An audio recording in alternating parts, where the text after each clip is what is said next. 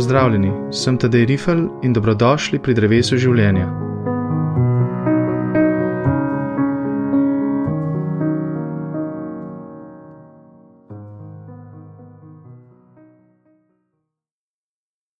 Lep pozdrav. Danes je z mano Jan Dominik Bogataj. Zdaj za začetek mogoče uh, povem, da se z Janom Dominikom poznava že kar nekaj let. V bistvu, um, ne vem čisto točen, kdaj, pa kako so se spoznala, ampak zagotovo je bilo, um, se pravi, tista stična točka je bilo zanimanje, bodi si za filozofijo, ali pa potem um, še bolj pa zanimanje za crkvene očete. Um, Jan Dominik, najprej hvala lepa, da ste se odzval mojemu povabilu in da se lahko v bistvu tudi v teh uh, malo čudnih časih tako le uživo pogovarjajo, da ste se v bistvu kot prvi um, pač tudi. Um, Da si pač se odzval mojemu povabilu in da si da prišel dejansko tukaj, tukaj do mene. No, in, um, zdaj si za kratek čas v Sloveniji, ker drugače študiraš uh, v Rimu, pa mogoče ne vem za začetek, čistko, če malo poveš o sebi. Um, pač si teolog, si uh, razmišljujoči kristjan, si tudi član, um, mislim, član, si frančiškan, um, torej pripadaš redu manjših bratov. Um, vem, najbolj bo, če ti mogoče še malo poveš o sebi. Ja, hvala ti, da je mi prav veselje, uh, tudi v teh časih, da se še ohranja to, da smo lahko srečamo živo, pa da mogoče kakšno misel potem tudi delimo s tistimi, ki, ki jim so jim ta sreča onemogočena. Res je, v Rimu sem zdaj že tretje leto, študiram na Patrističnem inštitutu Augustinjanum. To je en izmed redkih um, tovrstnih inštitutov na svetu, kjer se dejansko proučuje prav zgolj krščanska antika, uh, še posebej grško-rimska torej literatura. Potem študiram tudi na vzhodnem inštitutu, kjer, kjer um, se ukvarjamo z ostalimi jeziki, kot so sirščina, kot je kopčina, armenščina. Um, pripravljam doktorat, en del sem pa tudi zaposlen že na teološki fakulteti v Ljubljani, kjer sodelujem v raziskovalni skupini, tako da tam se ukvarjam torej, tudi s slovenskimi prevodi patrističnih del, z raziskovanjem, tudi pripravo raznih konferenc in poziv. Tako da mi, ki smo iz uh, teh mehkih narodov, a ne moramo pač nekako delovati dvotirno. Po eni strani je lepo, da skrbimo in je nuja, da skrbimo tudi za um, to, ta svoj, uh, svoj jezik, za razvoj domače kulture, po drugi strani pa potem nekako vsak, ki je specializiran, uh, potem segaš tudi na mednarodno področje in, in se tam, uh, sploh v današnjem času, to enostavno se srečuješ tudi z, z strokovnjaki iz praktično celega sveta. Um, um, mogoče lahko omenim, da no, v preteklosti sem se ukvarjal z.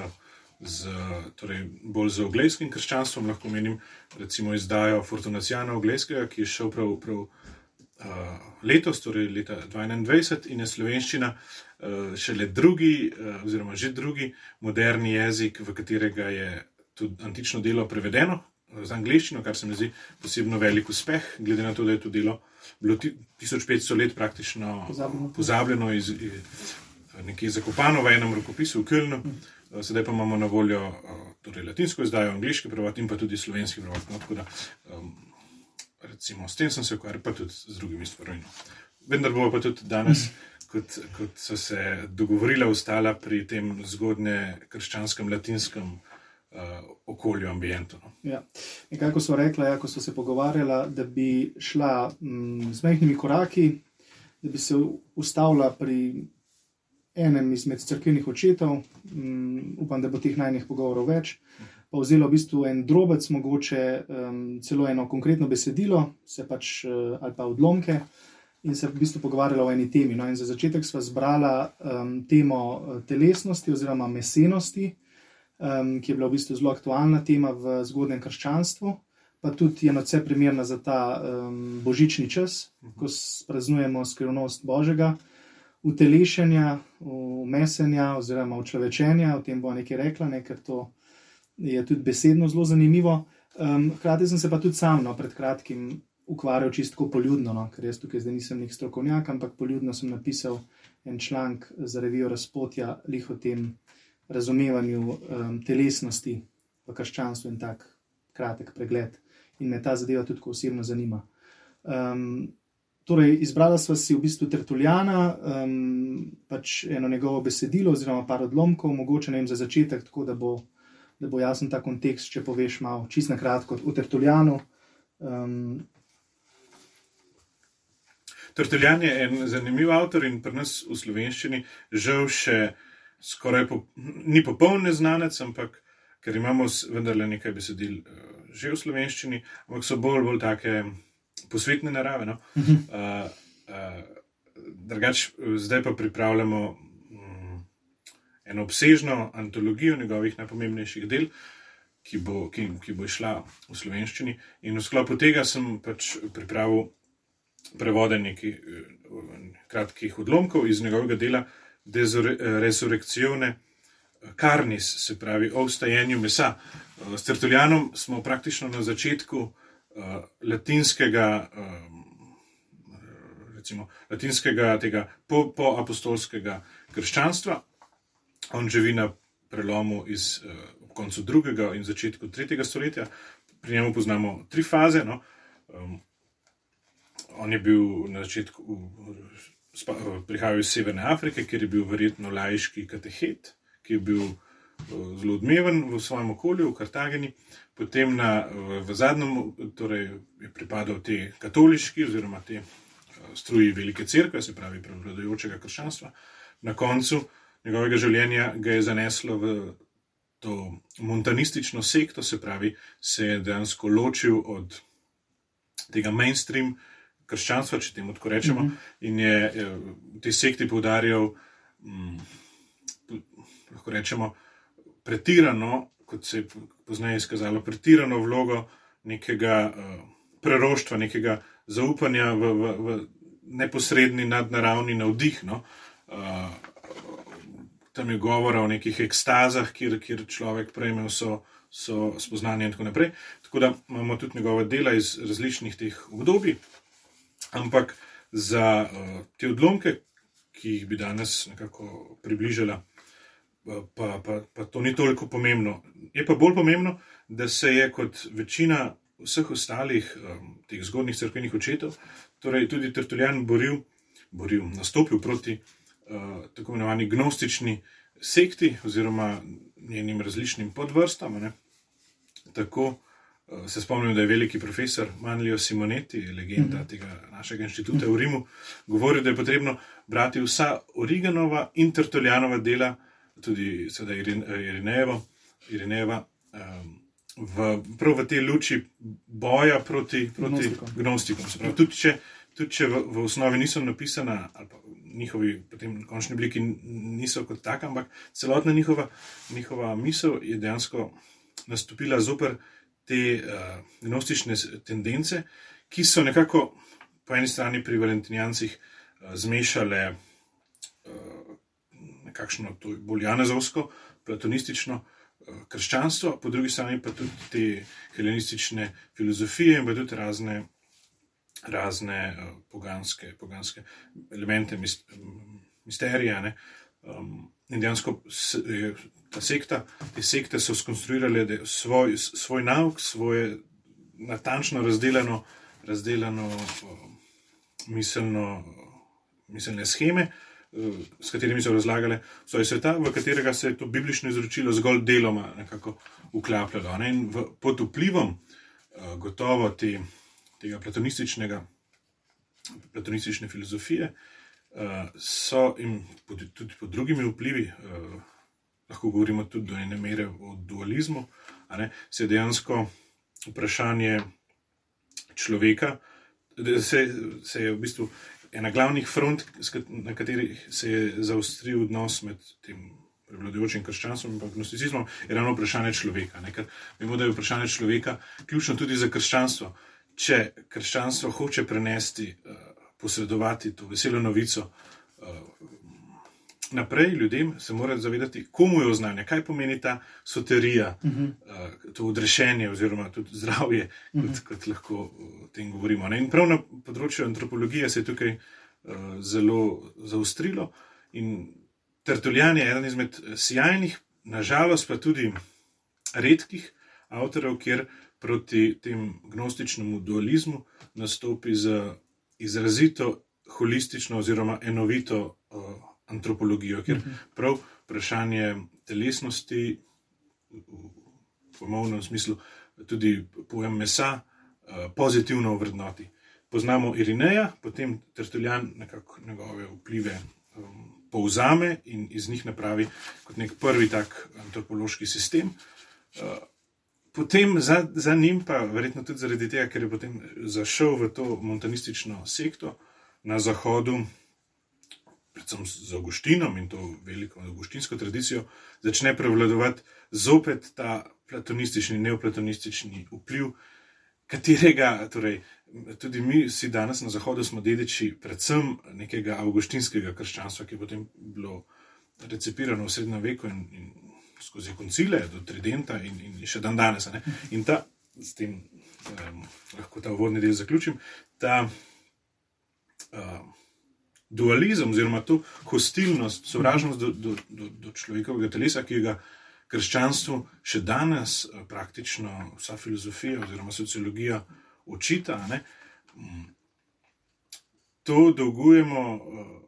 Uh, mislim, da bolj ti avguštinski struji, medtem ko smo imeli pa že 200 let pred Avguštinom, uh -huh. Tertuljana, ki je pa govoril zelo drugače. Tudi Avguštin, seveda, ni, ni, ni posem prevzel tega platonističnega dualizma, ampak uh, pri Tertuljanu imamo res neko izvirnost uh -huh. pri tem pojmovanju tega telesnega vidika. Uh -huh. No, če se zdaj navežem tukaj, se mi zdi pomembno, zato, da se res vračamo k besedilom, k tem drobcem, k mogoče um, ja, enim vidikom, ki, mu, ja, ki zagotovo ne pridejo potem v nekih bolj splošnih razlagah, ne, um, do, se pravi, do, do izraza. Um, zdaj, omenil si dualizem, pač ta problema, ne, ki se od recimo klasične antike, pač, ne, kjer je jasno duša, sploh v platonizmu, močno nadrejena pač telesu. Ne, Um, poznamo tudi to slavno ne, besedno igro, ne, soma, ne, kot telo je v bistvu sema, ne, da je v bistvu telo nek grob, ne v bistvu grob za dušo ali pa ječa duše. Ne, um, se pravi, kako se mora v bistvu duša osvobajati. Ne. To je zagotovo imeti določen vpliv na krščanstvo, ampak zdaj tukaj pri Tertuljanu, pa kot si že nakazal, ti kratki odlomki, v bistvu, če bi jih povzel, kažejo na to, kako vrniti dostojanstvo telesnosti, kako v bistvu vrniti um, dostojanstvo mesenosti seveda z vidika tega, ne, da je v bistvu Kristus, središče krščanske vere, je v bistvu sam na se eh, prevzel telo. No, in zdaj mogoče prvi podarek, ne pač par podarkov in par istočnic, eh, je mogoče ta njegova misel, Tetujanova, ki v tem prvem odlomku um, je izpostavljena, da je meso, kot reče, sopotnik. Oziroma, um, mogoče kar prebereš ta citat, ki se mi zdi zelo, zelo lepno. Uh, poleg tega, če so prek mesa vse stvari podvržene duši, so podvržene tudi mesu. Pri uporabi neke stvari moraš nujno uporabiti orodje, s katerimi uporabljaš. Tako je meso, čeprav velja za služabnika in slugo duše, v resnici je njen sopotnik in sodedič. Če v posvetnih stvarih, zakaj ne tudi v večnih? Pravi, izziv je zdaj, kako misliti ali kako v bistvu razumeti to, da sta seveda telo in duša nekaj različnega, ampak da se nista, kot si tudi povedal, v nekem nasprotju ali pa celo neki sovražnosti. Um, in kje vidiš, da je to res um, ta do, tertuljano doprinosno, kako, kako se mogoče tukaj na začetku on tega loti, um, ko govori o tem, kar smo ravno kar slišali, da je v bistvu sopotnik, da je meso sopotnik duše. Ja, zdaj, uvodoma je treba povedati še to, da se je že v nebrju bibličnega krščanskega izročila, da so se nekako oblikovali dve struji antropologije. Ena je tako imenovana uh, binarna oziroma dihotomična, in pa druga trihotomična, ne, kjer govorimo po eni strani o res telesu in duši, po drugi strani pa, kot uh, Pavel to zapiše v pismu Tesaloničanom. O telesu, duši in duhu, ki jo da še, še pneumo. Ampak v, v osnovi gre res za, tudi potem pri avtorjih, za ta antagonizem med telesom in, in, uh, in dušo.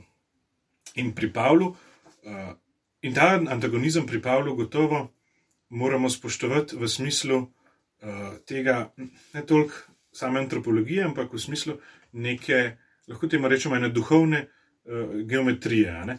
Vsekakor je vse, vse človeški obstoj poklican k temu, da, da teži k duhu uh, in da ne pade k mesu. Ne? V tem smislu je ta grški pojem sarks ali pa sarkikos, uh, torej razmišljanje, meseno razmišljanje, posvetno razmišljanje, vsekakor nekaj slabega. Vse naše bitje mora biti, cilj našega bitja je, da postane pneumatikos, se pravi poduhovljeno. V tem smislu gotovo ta, ta, ta raz, to razlikovanje v smislu res te nekakšne uh, duhovne geometrije obstaja. Vendar pa, če to dejansko prenesemo tudi po temi platonističnimi vplivi na, na človekah, uh, težko razumemo uh, samo, samo, samo središče razodetja. Uh, Hologos sarks egeneto, oziroma kot je Tertuljan tudi bral, verbum caro faktum est. Se pravi, kako pa zdaj razumeti, da je Bog, uh, človečena beseda, prevzel ta karo.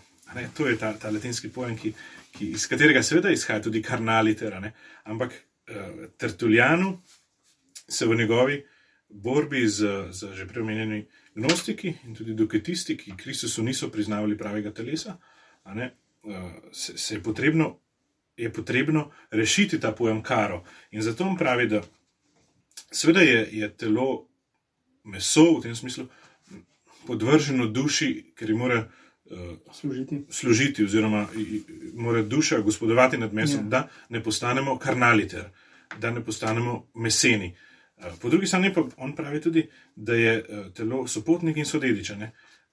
Tako v posvetnih stvarih, kot tudi v večnih. On pravi, recimo, malo, malo prej, v, petem, v sedmem poglavju tega dela o ustajanju mesa, kakšno rabo narave, kakšen sad sveta, kakšen okus prvin lahko uživa duša, če ne s pomočjo mesa. Eh, preko mesa kot posrednika duša bogati celoten aparat čutev, vid, sluh, okun, von, dotik. Eh, preko mesa se duša napaja z božansko močjo, se za vse poskrbi z govorom, če tudi le predhodno v tišini, kajti tudi govor izhaja iz mesa kot svojega organa. Potem preko mesa, zatrtenjane so, so vse eh, umetnosti, vse, vse, vse, vse tehnike, preko mesa so svobodni strokovni študiji, preko mesa dela, dejavnosti, službe. Vsem, torej, govorili ste o tej povezanosti um, mesa, telesa in pa, in pa duša. In zato mora biti dejansko sopotnik. To je eden izmed teh načinov, in lahko priznamo tudi um, eden izmed, ne, ne, ne edini, ampak eden izmed redkih, redkejših um, poskusov te unitarne antropologije znotraj tega mhm. zgodnega krščanstva. Se pravi, imamo to gibanje na vzven, ne, se pravi, duša brez telesa, um, in hkrati tudi na vznoter, seveda pač um, čuti v bistvu so najprej na telesni ravni, ali pa recimo neka v končni fazi, če zdaj biblično razmišljamo, neka ne vem. Um, telesna dela usmiljenja imamo, ne, ko v bistvu po crkvenem nauku, ne, ko se v bistvu neko naše duhovno življenje ne, in tudi v asketski tradiciji je tako, da v bistvu ne gre pri zatevanju mesa ali pa telesa za nobeno, zdaj neko prakso samo na sebi, in tako je v bistvu to izraz enega duhovnega življenja. Ampak kar se mi pa zdi zanimivo pri Tertuljanu, no, um, je pa to, da celo on potem te zelo, um, se pravi, obredne praktično, recimo neke geste, ne, kot je recimo križ, kot je neko očiščevanje, pa to, to je potem naprej, mislim, da že potem v drugem tem odstavku. Ne, v bistvu, se pravi, preko telesa, preko mesa, v bistvu vstopajo te posvečene stvari v, bistvu v, eh, pač v, v človeka in v bistvu pridejo tudi v duševno, ne duhovno življenje. Zdaj te razlike, kot se reko, ne dela. In eh, tukaj je potem ta drugi poudarek, no, ki se mi zdi bistven, je, da v bistvu za tertuljana, da ima meso, telo, ključno vlogo tudi pri. Eh, pri, pač, pri odrešenju. No. Mogoče za začetek samo to, če tukaj mogoče, vem, če najdeš kar tisto odlomek, uh mhm. -huh. kjer govori o križu, govori o, o čiščenju in tako, eh, se mi zdi tudi zelo lepo izrazeno, pač to eh, dostojanstvo telesa. To je, ta, to je to znamenito osmo poglavje tega dela, uh mhm. -huh. kjer, kjer najdemo ta slaven navedek Tertuljana, ki se pogosto, pogosto um, sliši, da je karo. Uh, kardo salutis, se pravi, da je meso os odrešenja, oziroma lahko rečemo tudi uh, zdravja. In če kar preberem, no, se je dokaj kratko, ampak se mi zdi res uh, najprej bomo slišali ta pasus, kjer je to slavno geslo, potem ga pa takoj razloži, še, mogoče še z lepšim, bolj poetičnim odlomkom, ki si ga že omenil. Zadostovalo bi dejstvo, da nobena duša ne more doseči odrešenja, če v času, ko je v mesu, ne začne verovati. Tako je meso os odrešenja. Saj, ker je preko odrešenja duše povezana z Bogom, je meso tisto, ki omogoča, da Bog izvoli dušo.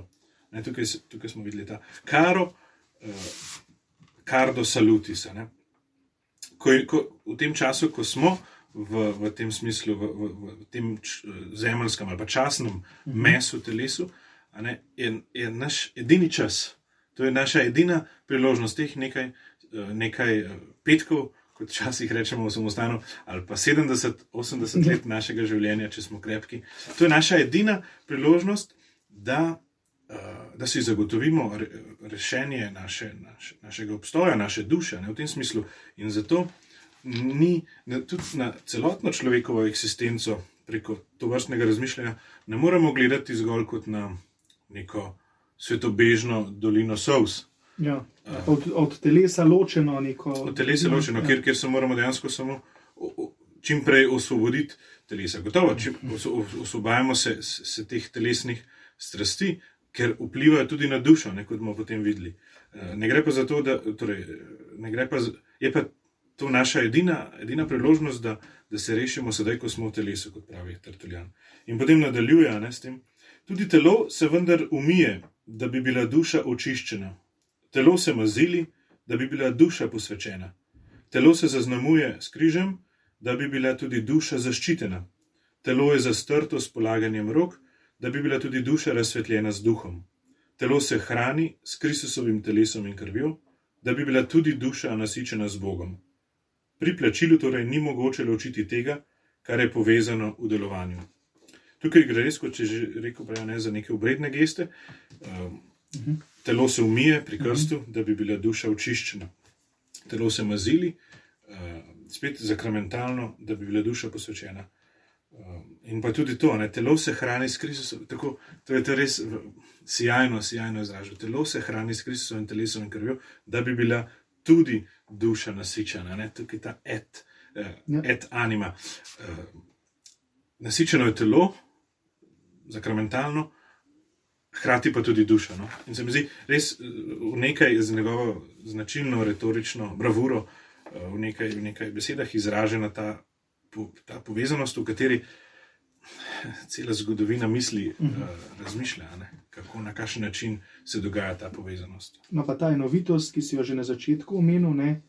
da v delovanju um, jo vidimo ne? in je ne mogoče, da bi zdaj vse zasluge, ne uh -huh. plačilo tukaj. Uh, Um, razumemo tako kot neke zasluge, zdaj bi pa šlo samo na račun uh, nekega notranjega, ne, recimo duševnega mm. življenja. Ne. In se mi zdi, da podstatus vsega, vseh teh misli je res na ta celostnost, ne, ki je v bistvu krščanstvu.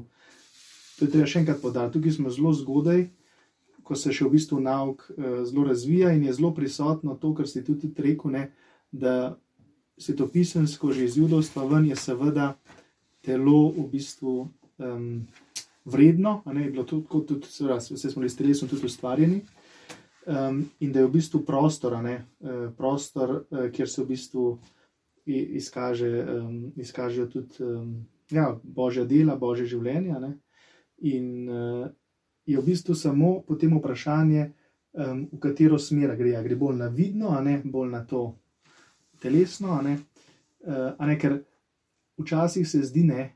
Kot da neke zunanje geste, ne, to se mi zdi tudi v bistvu nek ostanek še danes tega gnosticizma, uh, da neka gesta, neko tako znamenje, mogoče nima pomena. Ne? Ampak če je celostna, ne, če je delovanje celostno, potem je vidno tako v nekem ne vem, priklonu ali pa v nekem križu, ne? v neki bi rekel pobožnem dejanju, mhm. ne hkrati pa ima pač mesto tudi v, v našem duhovnem življenju. No? In, um, Zdaj, v še preostalih dveh odlomkih, pa potem v bistvu to, v bistvu to še nadalje razlaga, kako je v bistvu tisto, kar je tako kot smo ustvarjeni, ne? mogoče še iz tega odlomka, kakšen, kakšno misel, ven, kakšen citat, tako kot smo ustvarjeni, telesno, materialno, ne? da je potem to tudi tisto, kar bo rešeno v končni fazi. Mm. Eh, To se mi zdi v bistvu izjemno, ne, da, ni, da, da v bistvu damo vrednost tistemu, kar je v bistvu že od začetka vredno. Seveda je pa lahko tudi, oziroma lahko je pač tudi predmet uh, padca, ne, padanja. Ne. Tudi na začetku veliko govori o trpljenju, o tem, koliko je telo v bistvu tudi lahko iznakaženo, ne. um, ampak vendarle um, to ni konec. Ne. Mhm. Se mi je zdelo prav genialno, prav, prav genialno in tudi ganljivo, ko sem prevajal te odlomke Tertuljana. On pravi, da pri stvarjenju, kot si že omenil, pri tem bibličnem, biblični pripovedi o stvarjenju, da Bog ustvari vse ostale stvari, ustvarjenine z besedo, Uh -huh. medtem ko samo človeka ustvari ja. s svojimi rokami. V, v, v, v torej, prvo Mojzesova knjiga, drugo poglavje, sedma vrstica, ne, kjer je ta drugi, drugi del poročila o stvarjenju. On pravi v grščini uh, eplazen, uh, se pravi, da je izoblikoval človeka. Ne, in, in Tertuljan res pravi, ne, meso, ki ga je Bog z lastnimi rokami napravil po božji podobi, ki ga je z lastnim dihom oživil po podobnosti svojega obilnega življenja. Uh, prav izpostavi to, to intimno povezavo med, med, med stvarnikom, ki, ki s svojimi rokami uh, vzame ti- tisto blato, tisto uh, fango uh, in, ga, in, in mu potem vdihne, vdihne, vdihne ta življenjski dih. Um, kako nekaj, se mi zdi, da, da bi morali to, večkrat razmišljati iz to vrstnega eh, stališča. Ne, ne moralizirane, eh, ne moralizajočega Ja. stališča, ampak najprej se zavedati tega dostojanstva, in, in iz tega bo tudi, prišel, bo tudi prišla prava skrb, ja. pravi, pravi odnos in pravo, prava, pravo vrednotenje uh, tudi tega telesnega vidika. Iz tega, ko se boš zavedal, da je Bog te vzel v svoje roke in, in, in na, na, tudi naši telesnosti pustil, pustil pečat, pustil uh, svojo sled, šele takrat boš lahko, se mi zdi, šele takrat je, uh, boš lahko na prav način pristopil tudi k različnim mm, vidikom našega odnosa do lastnega in telesa, in tudi do telesa drugih, če razmišljamo o tem. ne. Iz tega, samo iz tega. Uh, To vrstnega premisleka, ki se mi zdi, da Tertuljan genialno napravi prav na tej biblični podlagi, dobimo pravo spoštovanje uh, svojega in tudi uh, telesnega vidika drugih. no. Mislim, mogoče je še izpostaviti um, v tem odlomku tudi ta imena, ki jih daje. Mislim, da je to tukaj še Mhm. ta imena, ki jih v bistvu daje, um, daje v bistvu telesu, ne, kjer se v bistvu kaže, uh, kakšno dostojanstvo mu gre. ne. Um, In hkrati, hkrati tudi priznava, gotovo, uh, to, to šibkost. Ja. Ja. Uh, Kol Baš- Basar je že, že, že, v, v stari zavezi, že v hebrejščini, tisti vidik, torej vse meso, vse človeštvo kot, kot nekaj um, propadljivega, ne kot nekaj uh, nestalnega, ampak po drugi strani pa prav Tertuljan potem v luči nove zaveze to vrednoti še na poseben način. On, nav- navajam, uh, On ljubi telo, torej Bog, ki je na toliko načinov njegov bližnji. Čeprav je telo slabotno, se vendar moči spopolnjuje v slabotnosti. Čeprav je šipko, vendar ne želijo zdravnika zdravi, temveč bolni. Čeprav je neugledno, vendar neuglednim stvarem dajemo večjo čast. Čeprav je izgubljeno, vendar pravi, prišel sem rešiti, kar je izgubljeno. Čeprav je grešno, vendar pravi, rajši imam rešitev grešnika kot njegovo smrt. In celo zaključi, "Ce- čeprav je pogubljeno, vendar pravi, jaz bom udaril in bom ozdravil. In, in potem s- zaključi, no, zakaj grajaš v mesu tisto, kar pričakuje Boga, kar upa na Boga. Čemur Bog pomaga, to tudi odlikuje. Drznim si reči, če meso ne bi imelo teh pomankljivosti, bi bila božja dobrota, milost in usmiljenje, vsaka njegova dobrotna moč prazna. Mhm. Se mi zdi, to je, to je en spregledan vidik uh, krščanstva, no, ki ga je tekom zgodovine to vrsten premislek nekako nekako prišel v pozabo ali pa na stran pot. No. Se mi zdi dragoceno. No. Uh, pač božja moč, a ne božja moč eh, in pač človekovo, v bistvu, mislim, slabotnost ali pa to, kar si ti rekel, menljivost, ne, eh, ampak vendarle. Ni, ni, ni, to, ni to končni smisel, ne Mhm. končni smisel je, da se v bistvu ta slabotnost ravno v bistvu preobraža, oziroma da se, da se v bistvu napolnijo. Ne. uh, tudi telo, ne, večkrat govorimo, pa tudi Tertulijan to omenja kot posoda ne, za duha, biblično gledano, ne v bistvu tam zato, da se v bistvu napolni, ampak brez posode uh, tudi uh, mm -hmm. duh nima kam. Ne. Tako da to se mi zdi tako izjemno. No. Sicer uh, jaz sem, um, se spomnim še na tiste besede, mogoče pa to v zadnjem odlomku, ali pa, ali pa bilo že celo prej, ko, ko, ko govorite o, o teh poimenovanjih, v bistvu za telo, ko govorite tudi o kraljici, ko govori o teh. Um, Mhm, Ta kratek odlomek je, ko ima, ko ima zelo tako lepa poimenovanja za to. Um, Uh, lahko kar preberem. Uh, nikar naj Bog večnemu uničenju ne prepusti dela svojih rok, skrbi svoje spretnosti, posode svojega diha, kraljice svoje stvaritve, dediča svoje velikodušnosti, duhovnika svoje vere, bojevnika svojega pričevanja, sestre svojega Kristusa. Mhm.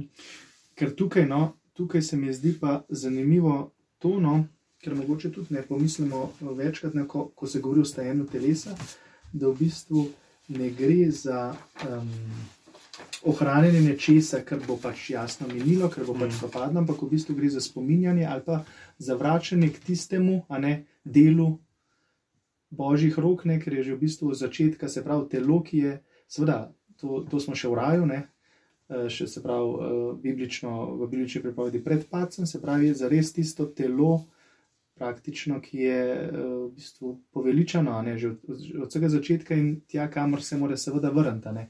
V srednjo mesto pa tukaj seveda Kristusov. Um, pač Kristusov dogodek. No, in to se tudi pri Tetojanu vidi, da, da je v bistvu zelo kristocentričen, mislec, jasno. Ne? Eh, Vsi očetje so pač taki, no, ampak da že tako zgodaj pač ve, da je v bistvu, cen- mislim, ve, sej ni še toliko let minilo od eh, Kristusove smrti in stajanja, ampak da je v bistvu to tista centralna točka, to je pa v bistvu tista os odrešenske zgodovine, ne, kjer se v bistvu, zato ker smo bili ustvarjeni in zato, ker, kamor smo poklicani, se v bistvu tukaj, se v bistvu um, pač um, na to vse napeljuje. ne. Lahko te te tukaj samo na kratko malo, malo popravim oziroma dopolnim. Uh, ni res, da so prav vsi, torej, pri patristični patrologiji se, se, se razvijata dve osnovni smeri. Ena je ta uh, azijatska smer, uh, Irineja, eh, Tertuljana, a ne, kjer, kjer res, res že v, v, stvarje, v pripovedi o stvarjenju vidi Kristusa. Ne. Takrat naredimo človeka po svoji podobi. To je Kristus, ki govori, ki potem, eh, torej v enem delovanju, ampak naredi človeka že, že po podobi Kristusa. Medtem ko ta, recimo, aleksandrijska, ne, bolj platonistična, bolj filozofska smer, ki potem tudi, katera je eden izmed glavnih predstavnik je, predstavnikov je, je tudi Origan, ne, pa tam ne vidi tega poročila o stvarjenju, ne vidi tako kristocentrično.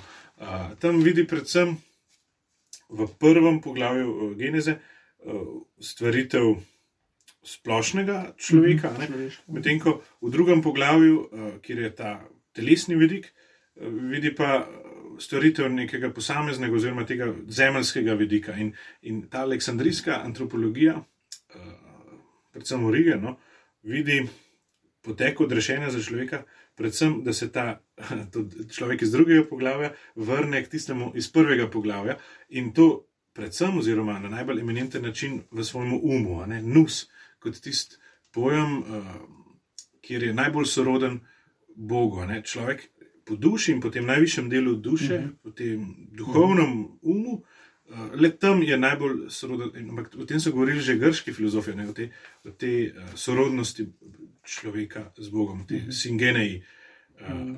In zato je Kristus v tem modelu um, malce zreduciran. Ne? Tudi Ni, ni čudno, da v tem aleksandrijskem okolju potem srečamo Arija, kjer, kjer, um, kjer je recimo, no, ali pa pri Origenu, je Kristus bolj uh, etični model za dosego, za, vrnit, Ja, za dosego tega- vrnit, vrnitve v to prvotno stanje. Medtem ko pri Tertuljanu se res srečamo um, z celotno človekovo re- resničnostjo. No, se mi zdi, seveda, ma, ma, ma, ma, tu- tukaj ne gre za dejanje prednosti enega in drugega. Ne, različne podatke. Različni podarki, kom- komple- komplementarni, vsekakor, ampak pri Tertuljanu se lahko učimo uh, ravno tega, da se ni bal zakriti oči tudi pred največjim torej blatom, iz katerega konec koncev človek je, je narejen. Ne. No, ko sem se sam, ko sem rekel, sem se malo ukvarjal s tem vprašanjem, se mi zdi, da se tukaj v telesu pač res zlijeta dve te močni tradicije. Ena je ta filozofska, ki se v bistvu razmišlja zelo o tem, um, tej duhovni poti, ne recimo, uh, ja, pač uh, približanja Bogu ali pa podobnosti z Bogom. Po, po drugi strani pa tudi ta v bistvu asketska, ne v bistvu čist praktična, ali pa če lahko potem tudi naprej, recimo, pač neko meniško življenje. Ne, kjer je bilo tudi veliko nerazumevanja o tem uh, ne samozatevanju um, telesa in tako naprej, ne, čem, če, čemu, je to, čemu je zdaj to namenjeno. Ne, ne treba tudi te zadeve seveda razumeti, če v tej celostnosti, a ne se pravi, telo služi uh, duši, ampak ni pa zdaj ji podrejeno v tem smislu, da bi pa bilo pač ne vem, izničeno ali pa celo uh, pač manj vredno. Ne, in, uh, um, ko recimo imaš potem take prakse, ki ljudje v bistvu ne razumejo. Um, no, ne razumemo, se smo mi tudi to opiti, ne, ko ne razumemo enih, ne vem, ne vem, že vprašanje nekega posta, nekih odpovedi, pač tega boja strastmi, ne, um, ne kot duhovnega boja, ampak v bistvu samo parcialno kot neko zatevanje ali pa recimo ne vem. Mm. Škodenje, pač škodenje telesu. Um, ali pa obratno, ne, um, obratno, pač danes, mogoče bolj aktualno, ne, ko je v bistvu uh, samo ukvarjanje s telesom in recimo z nekimi, ne vem, uh, pač z nekimi, ne vem, določenim ne vem, jedilnikom, z, določeno, ne vem, z določenimi pač tehnikami, ne, ampak seveda brez duhovnega elementa so te stvari pač, ne, tudi če so recimo, ne vem, dobre, da človek malo manj je, ampak ni pa zdaj to cilj, ne, da bi zdaj bil, vem, da bi se pač s telesom samo ukvarjal. Mm. Ne, se pravi, v bistvu, kot da bi imel zdaj hrbtno stran. Rekel si, so se ukvarjali s tem umskim preobraženjem, s to metanojo, ne, telo je bilo pač itak tako malo, ne, skoraj da ne zaničevano, ne, pri eh, platonikih, tudi kristijanih. Uh, danes pa recimo lahko pa pač to prevlada na drugi strani vidimo. Um, in Kristusa, ne, um, mogoče je tukaj ena tista točka, ne, da te stvari, ta celostnost, to pretetojano jaz pač zelo dobro vidim, ta celostnost v bistvu ne bi bila mogoča brez Kristusa, ki v bistvu to dvoje združil. Mm. Ker če postane Božji sin človek, ne, ne postane v bistvu nek, ne vem, eh, pač um, bi rekel, nam, ne vem, od nas, ne vem, po naravi drugačen. Ne, ampak v bistvu postane eden izmed nas. Ne, in je v bistvu to, kar se v bistvu on njemu v mesu dogaja, v bistvu je, je v bistvu to je meseno, telesno življenje, v smislu tega, da je, da je to nekaj konkretnega. Ne. Um, tako da ne vem, eh, mogoče še zdaj grejo proti koncu počasi, ki vidiš zdaj ti, jaz sem že malo nakazal, no, ampak ki vidiš mogoče zdaj ti aktualnost teh, teh misli, tako v bistvu. Tle smo v bistvu drugo, tretje stoletje, ne. Mhm. malo si že nakazal, krščanstvo je šlo mogoče pol v tej mainstreamu, ne, tudi zaradi tega, ker se je Tertujan mogoče temu malo odtujil. Um, to si pač rekel, um, je šlo v en drug poudarek. Um, kaj je pol odkritje nekih takih besedilc, kaj, kakšno vrednost ima, recimo, tudi za te osebno, ali pa ne vem, kaj ne z njimi počnemo danes? To je dobro vprašanje, uh, ki je gotovo, da ne mere uh, čisto tako strogo gledano, mora biti tu je naši stroki, ker po eni strani moraš imeti nek objektiven odnos do teh uh, besedil, do zgodovine, da jo lahko pač preučuješ tako, kot je bila. Ne? In že čist objektivno, ne tukaj lahko vidimo, da so to ni danes, to se je dogajalo že v preteklih desetletjih, ko se dejansko odkriva ta raznovrstnost, uh, recimo prvih krščanskih stoletij, različnih miselnih tokov, ne? kjer je delo um, zgodovinarjev, literarnih zgodovinarjev in vseh teh strok prineslo tudi do marsikakšnega um, odkritja tudi v smislu večjega razumevanja, tudi v smislu ekumenizma, ne, da so se kakšne stvari mal um, zgladile in, in, in, in bolje razumele, bolje, mm -hmm. so se v zadnjem bolje razumele. Uh, po drugi strani pa tudi v, v smislu vsebine. Ne, Živimo v enem takem lepem času, ko imamo v bistvu praktično dostop do teh besedil uh, šele danes, ne, šele v zadnjih letih, v zadnjih desetletjih, z temi prevodi, študijam in tako naprej. In si dejansko lahko res ustvarjamo bogatejšo sliko in, in res lahko odkrivamo, kakšno bogatstvo uh, izročila uh, dejansko nosi krščanstvo. Ne? Tako da bi jaz rekel, prva, prva, prva spodbuda je vsekakor to. Ad fontesa, ne, nazaj k virom. Izročilo ni, ali pa krščanstvo ni zgolj uh, to baročno, kransko krščanstvo, uh, tridentinskega koncila, ki se je recimo inkarniralo tukaj, ali pa nek, nek ta janzenizem 18. stoletja in tako naprej. Ne. Krščanstvo, uh, krščansko izročilo je, je, je veliko več, gotovo imajo tudi vse te etape svojo vrednost in, in tako, ampak danes živimo res v času, ko lahko vidimo celotno izročilo, celotnih 20 stoletij tega delovanja duha in, in lahko te sadove duha skozi stoletja dejansko smo privilegirani, da jih lahko tako zlahka uh -huh. uh, nabiramo in iz njih živimo. Se, tukaj ne gre za um, selektiven pristop, ne bomo pa rekli. Uh, zdaj mi je všeč samo tole drugo stoletje, ne ja. tretje stoletje, tridentinum mi, mi nekako ne diši, ne? ampak uh, ne moramo pa reči tudi samo, da je ta recimo janzeni, janzenistično katolištvo na Kranskem edini, edini edina ekspresija krščanstva. Ne. Se pravi, lahko torej, človek, ki danes išče, ki se sprašuje, ki ima um, vprašanja, ne, in zato se mi zdi, recimo, to vprašanje telesnosti, naše mesenosti, eno izmed najbolj neposrednih. Ne. S tem se pa res vsak uh, sprašuje, glede, uh, uh, lahko rečemo, užitkov, hrane, spolnosti. Uh, Pa tudi glede šibkosti, ne, glede bolezni, konec koncev vprašanje zdravja. To so, to so področja, kjer vsak izmed nas, ali pa kjer mu, recimo, eksistencialne vprašanja, morda najbolj neposredno zaživijo. Ne? Se mi zdi dragoceno razmisliti o tem in sprejeti um, nauke. Pa razmisleke, ki so jih modri možje že pred nami in žene že pred nami razviljene. Uh, in konkretno, ne, tukaj, kot sem že prej rekel, se mi zdi, se spet izkazuje via media, ne, uh, gre za nek um, zmeren pristop, oziroma nekakšen sredinski pristop med pretiranim zaničevanjem telesa ja, in pa pretiranim poveličevanjem telesa. Ne? Zdaj pa vsak izmed nas se lahko potem vpraša, na kakšnem področju zaničuje, v nič daje, mogoče tudi ne ceni in ne neguje dovolj uh, svojega telesa, če mhm. tako rečemo v katerih primerjih pa mu daje preveč uh, pozornosti ali pa um, na nepravilen način misli, da bo dosegel um, tisto izpolnitev tistega hrepenenja, ki ga pač v duši, v globini čuti, da bo dosegel preko, preko tega, kar uh, vseeno je propadljivo. Um, zato. Mogoče eden izmed teh podarkov, no, da, da, da sklenem, je ravno ta povezanost. Ne? Kar uh, nosimo v duši, se bo izra, izrazilo na vzven, uh mhm. -huh. in kar delamo na vzven, um, z mesom, bo imelo posledice na, uh -huh. na, na, na noter. No? Uh mhm. -huh. Zadnja misel, pa, ki je pa lahko tudi, nočem biti seveda preveč aktualen oziroma aplikativen, ampak um, sem prebiral in več študij. Prav o odnosu crkvenih očetov do, do medicine. Ne? In tudi tukaj lahko vidimo raz, r, razloček med to lahko rečemo, Irenejevsko, Tertuljanovsko uh, smerjo, antropologijo, ki daje, ki bolj pozitivno vrednoti telesni vidik, in pa med tisto drugo, origenistično, uh, platonistično, uh, aleksandrijsko smerjo.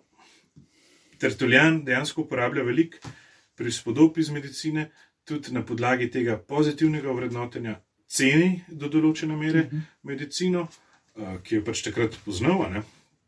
Eh, iz Plinija in še nekaj ostalih avtorjev.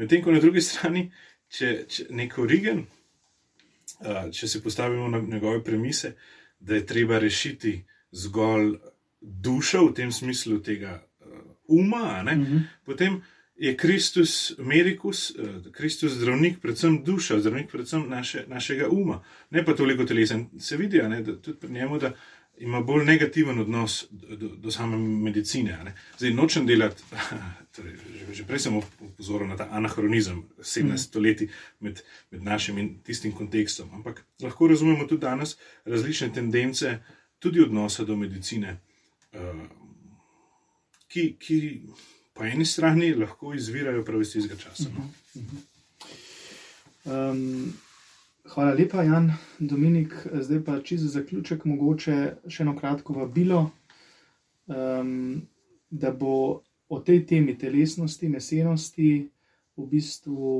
um, nasplošno, potem malo iz uh, zahodne krščanske tradicije, malo iz vzhodne, um, pa še kaj drugega, ne, uh, bo v začetku januarja en tak uh, patrističen dan, kako smo. Kako slovensko patristično popoldne, ja, oziroma večer. Patristično popoldne, ja.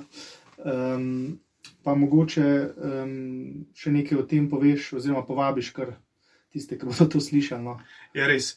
V, torej v, v sodelovanju različnih institucij, ki pri nas v Sloveniji na tem, delujejo na tem področju, torej uh, Inštituta za patristične študije Viktorinjanum na Teološki fakulteti, potem um, slovenske sekcije uh, mednarodne, uh, mednarodnega združenja uh, za patristične študije, kjer, kjer tudi nekaj slovencev sodeluje, potem pa tudi sodelovanje dveh založb, Cerske Mohoreve in pa Kuda uh, Logos, ki se tudi ukvarjata z um, izdajanjem patrističnih del. Torej, pripravljamo, smo pomenovali slovensko patristično popovdne, prvo, torej, ki se bo zgodilo, odvilo 7. januarja, v petek, popovdne od 4. ure naprej v Ljubljani na Teološki fakulteti. V prvem delu bomo, bodo tri referenti, uh, profesor dr. Miren Špelič, potem filozof Goras Kocijančič in pa moja malenkost. Jaz bom prav na podlagi Tartuljana predstavil en kratek referat. bomo predstavili prvo vprašanje vloge telesa v, v krščanski antiki, uh, tako v splošnem, potem uh, na, na, na vzhodu, potem grški in pa bizantinski, mislim pa tudi na zahodu.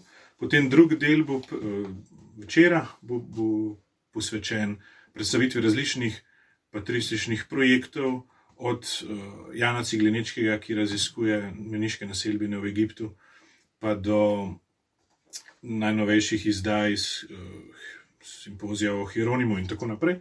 V tretjem delu, se pravi zvečer, mislim, da ob pol sedmih, če se ne motim, uh, bo pa potekala še predstavitev čisto svežega prevoda celotnega korpusa Hieronimovih pisem, ki bo išel v obsežni izdaji v treh jezikih in bodo o tem spregovorili uh, docent dr.